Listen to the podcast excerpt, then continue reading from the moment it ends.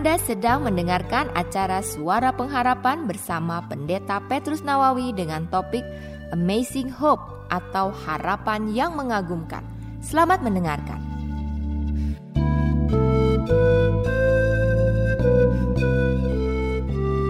Saudara, di dalam hidup kita ada sesuatu yang kita perlukan. Dan sesuatu yang kita perlukan bukan hanya sekedar makanan, hidup, eh, pakaian, dan semua yang kita perlukan dalam kehidupan ini. Tapi sesuatu yang kita perlukan yang paling hakiki, yaitu hidup di dalam pengharapan. Dan kalau kita menemukan Kristus di dalam hidup kita, seperti berita yang dibawa oleh malaikat. Itulah yang menjadi penanda dari perubahan yang besar bagi kehidupan umat manusia di bumi ini. Karena di luar dia, orang hanya bisa mendapatkan apa yang ada di dunia ini, tapi binasa dalam kekekalan. Bahkan di luar Kristus, Kasih yang dirasakan oleh orang hanya sekedar ilusi beraka. Karena kasih yang sejati itu hanya ada di dalam Kristus. Dan kasih yang sejati itulah yang kekal yang kita bawa sampai kepada kekekalan.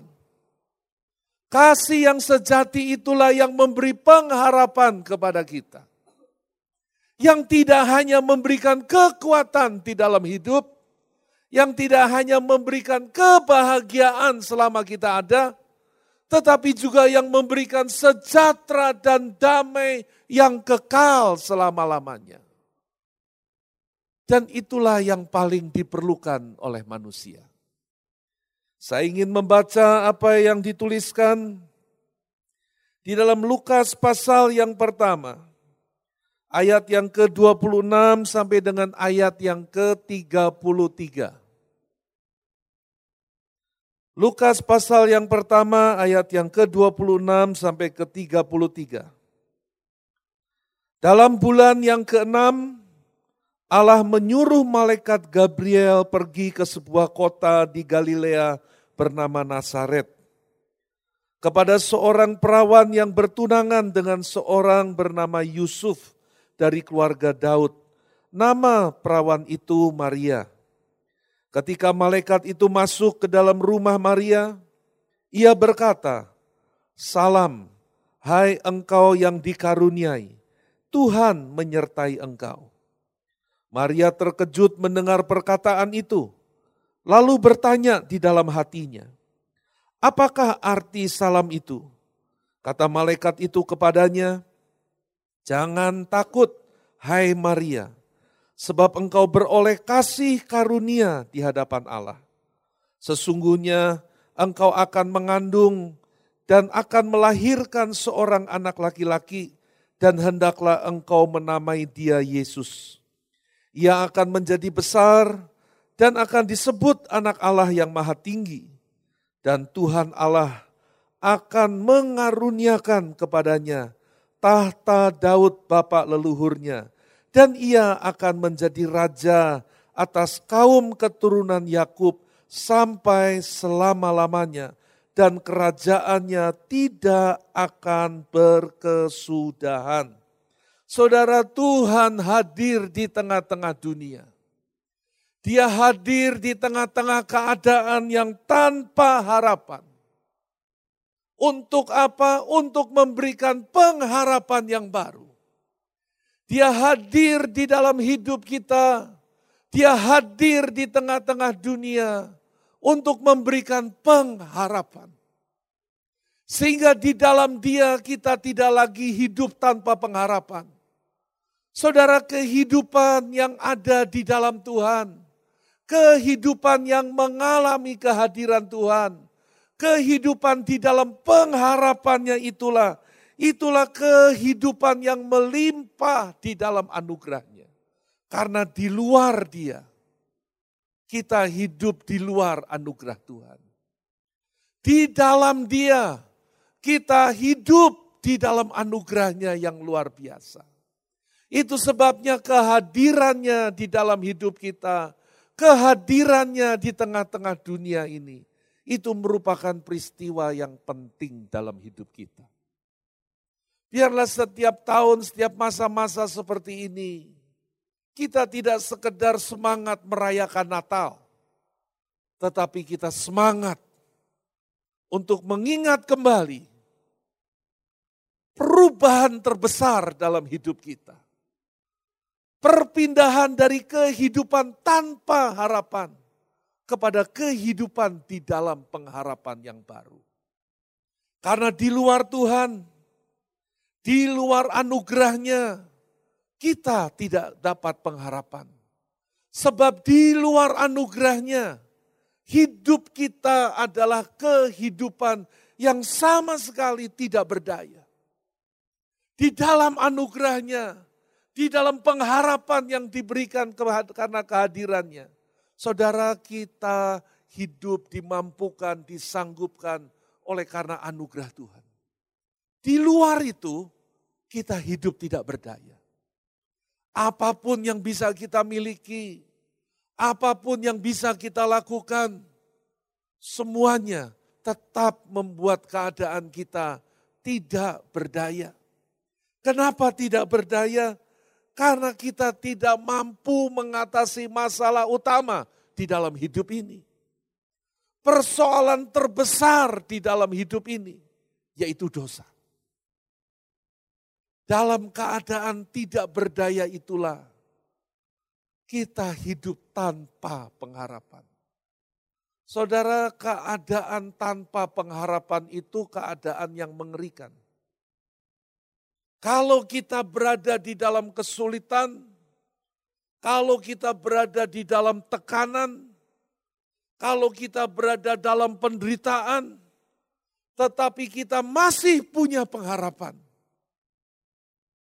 Kita masih punya masa depan. Saudara, kehidupan tanpa pengharapan itu hidup yang mengerikan. Penderitaan tanpa pengharapan seperti penderitaan tanpa akhir. Penderitaan dengan memiliki harapan, kita seperti melihat terang di tengah-tengah kegelapan. Kita seperti melihat kehidupan di tengah-tengah kematian. Itu sebabnya hidup di dalam anugerah Tuhan, hidup di dalam pengharapan yang Tuhan berikan kepada kita. Itu merupakan wujud dari anugerahnya yang terbesar dalam hidup kita. Saudara kalau kita berbicara tentang anugerah Tuhan yang diberikan kepada kita. Saudara seperti apa anugerah itu hebatnya? Maria dikatakan berbahagialah engkau yang dikaruniai Tuhan. Berbahagialah yang mendapat kasih karunia yang mendapat anugerah Tuhan. Dan hidup Maria setelah itu mengalami perubahan yang luar biasa. Karena anugerahnya. Saudara, anugerah itu mencakup seluruh kehidupan kita. Hidup di dalam anugerahnya itu hidup dalam semua kebaikan Tuhan. Ada satu cerita tentang seorang jutawan kaya, kolektor lukisan mahal.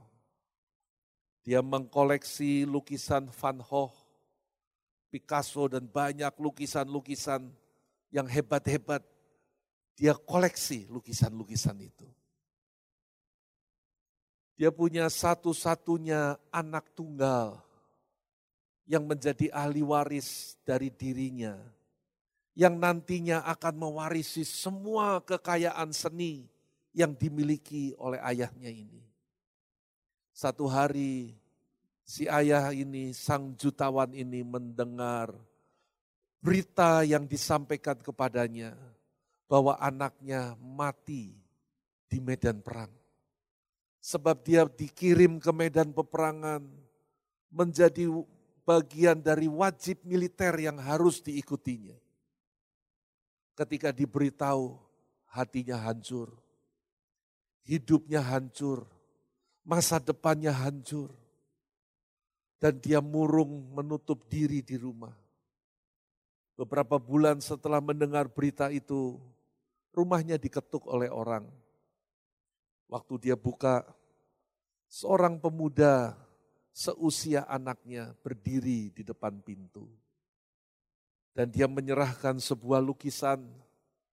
Dia katakan ini lukisan yang saya buat pada waktu saya bersama-sama dengan anak bapak berada di medan perang. Kami bersahabat di sana. Saya suka menggambar. Gambar saya memang tidak bagus, kata dia. Tapi saya menggambar wajah sahabat saya, yaitu anak bapak.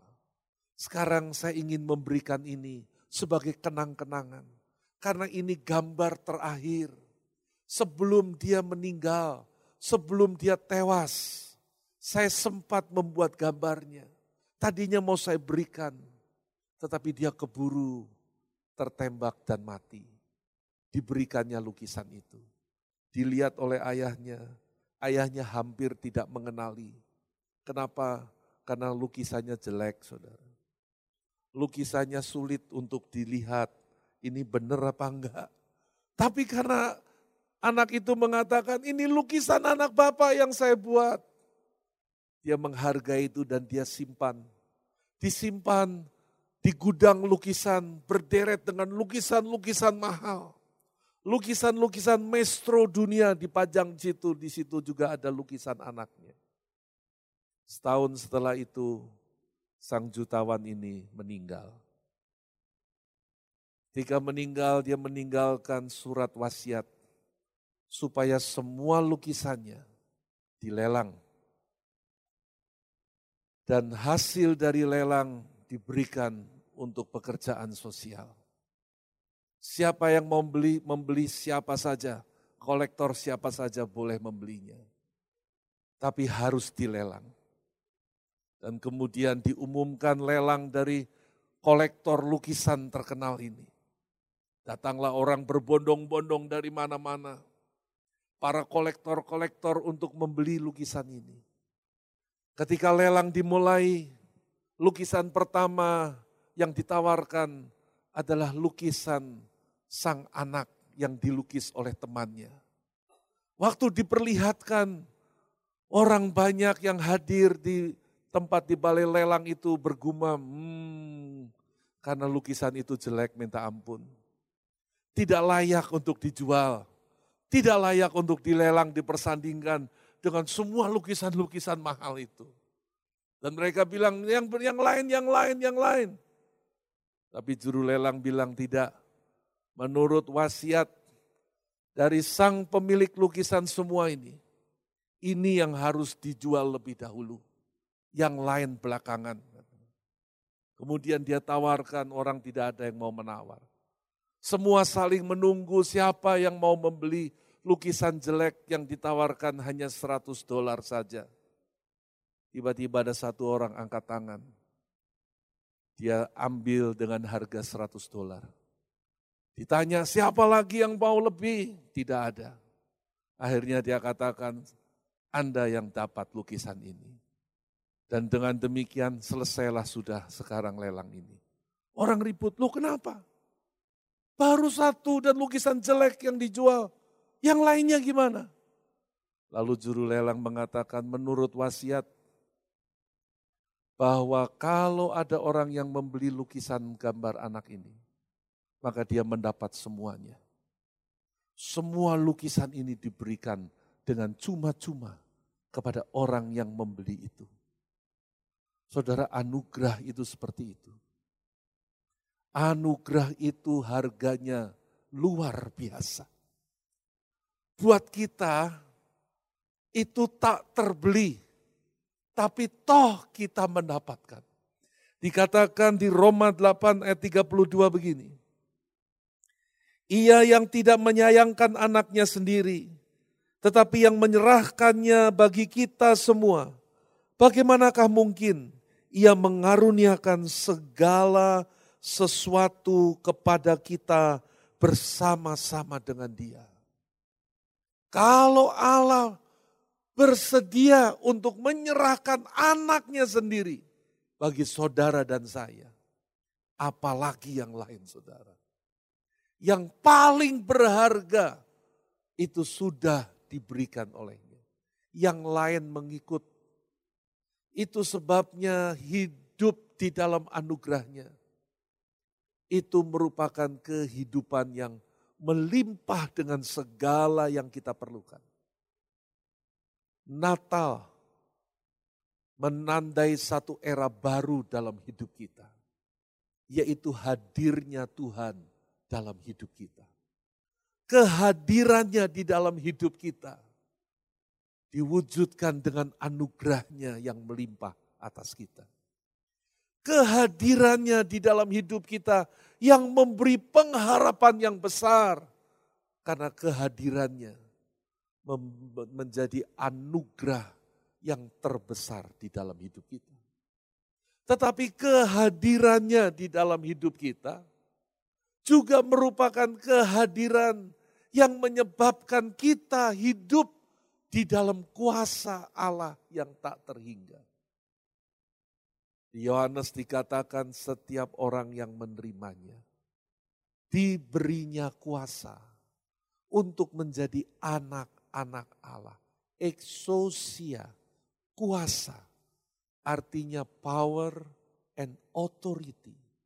Artinya kuasa dan otoritas. Kehadiran Tuhan dalam hidup kita. Ini anugerah yang besar.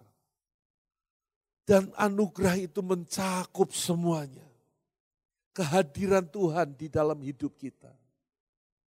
Itu memberikan kuasa di dalam hidup kita kehadiran Tuhan di dalam hidup kita menegaskan tentang satu hal. Apa itu? Kesetiaan Tuhan atas hidup kita. Kelahirannya merupakan kelahiran yang sudah dijanjikan ratusan tahun sebelumnya. Kehadirannya merupakan kehadiran yang sudah dinubuatkan sebelumnya, dijanjikan kepada kita dan itu digenapi. Kalau itu digenapkan dalam hidup kita, maka Tuhan kita tahu dia Tuhan yang setia di dalam kehidupan kita sampai masa yang akan datang. Kesetiaannya tidak berubah. Dikatakan di dalam Yesaya pasal yang ke-9 Ayat yang kelima dan ayat yang keenam demikian. Sebab seorang anak telah lahir untuk kita, seorang putra telah diberikan untuk kita. Lambang pemerintahan ada di atas bahunya, dan namanya disebutkan orang penasehat ajaib. Allah yang perkasa, Bapa yang kekal, Raja damai. Besar kekuasaannya dan damai sejahtera tidak akan berkesudahan di atas tahta Daud dan di dalam kerajaannya. Karena ia mendasarkan dan mengokohkannya dengan keadilan dan kebenaran dari sekarang sampai selama-lamanya. Kecemburuan Tuhan semesta alam akan melakukannya. Kesetiaan Tuhan itu dikatakan dari sekarang sampai selama-lamanya. Dia yang sudah mengenapi janjinya. Dia yang akan mengenapi janjinya lagi. Dia yang sudah memenuhi apa yang dikatakannya. Dia yang akan memenuhi lagi apa yang dikatakannya. Itu sebabnya kehadiran Tuhan dalam hidup kita. Tuhan yang menyertai kita setiap hari. Saudara itulah Tuhan yang anugerahnya besar dalam hidup kita. Itulah Tuhan yang kuasanya dinyatakan karena kehadirannya. Itulah Tuhan yang kesetiaannya menyertai hidup kita selama-lamanya. Itu sebabnya kita hidup dalam pengharapan. Selalu ada harapan di depan kita karena hidup kita dalam anugerahnya. Selalu ada masa depan bagi kita karena kita hidup di dalam kuasanya. Selalu ada hari esok bagi kita. Karena apa? Karena kita hidup di dalam kesetiaannya. Itu sebabnya saudara, menyambut peristiwa penting dalam hidup kita. Mengingat kembali apa yang sudah Tuhan lakukan di dalam hidup kita. Ada hal yang sangat-sangat penting untuk kita lakukan dalam hidup ini. Kita tahu dia hadir dalam hidup kita. Tapi kita perlu terus-menerus memelihara kehadirannya di dalam hidup kita setiap hari. Biar mengakhiri tahun ini dan memasuki tahun yang akan datang. Mari kita tata ulang hati kita. Mari kita tata ulang agenda hidup kita. Mari kita tata ulang bagaimana kita menjalani hidup setiap hari. Dengan mensyukuri anugerah Tuhan yang besar. Dia hadir dalam hidup kita.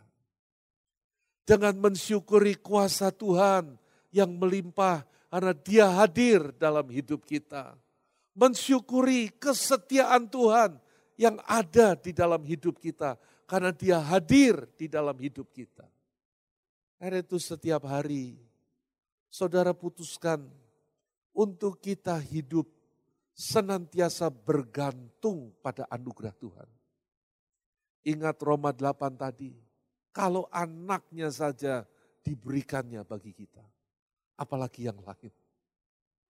Apa yang saudara perlukan hari-hari ini? Apa yang menjadi pergumulan dan kebutuhan saudara hari-hari ini? Bergantung pada anugerahnya. Andalkan Tuhan senantiasa di dalam anugerahnya ada jawaban. Di dalam kuasanya ada jalan keluar. Di dalam kesetiaannya ada hari esok. Dan biarlah setiap hari kita hidup memelihara hubungan kita dengan Tuhan. Saya ingin mengajak memasuki bulan Desember ini.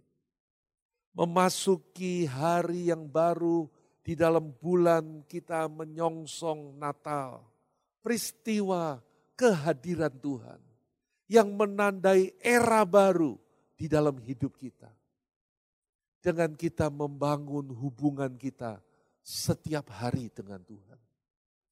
Hubungan yang kita bangun secara konsisten setiap hari.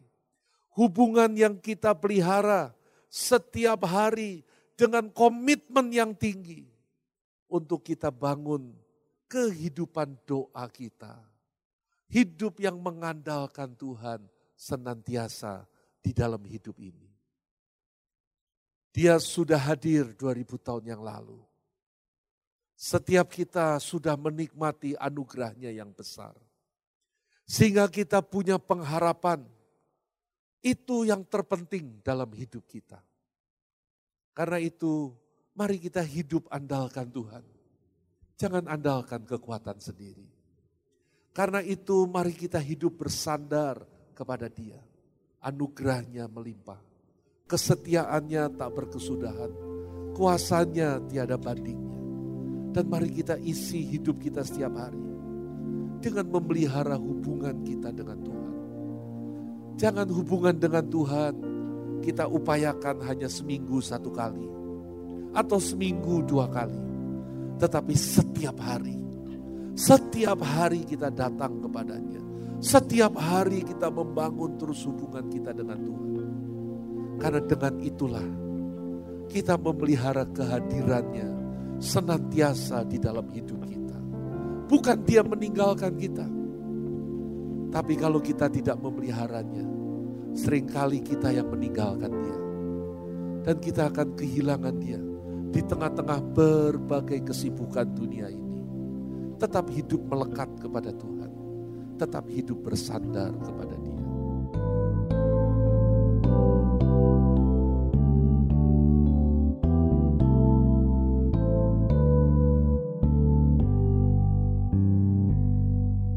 Anda telah mendengarkan dari topik Amazing Hope atau harapan yang mengagumkan. Pekan yang akan datang, Pendeta Petrus Nawawi akan melanjutkan topik tersebut pada hari, jam, dan gelombang radio yang sama. Pastikan Anda mengikutinya. Sampai jumpa pada pekan yang akan datang. Tuhan memberkati.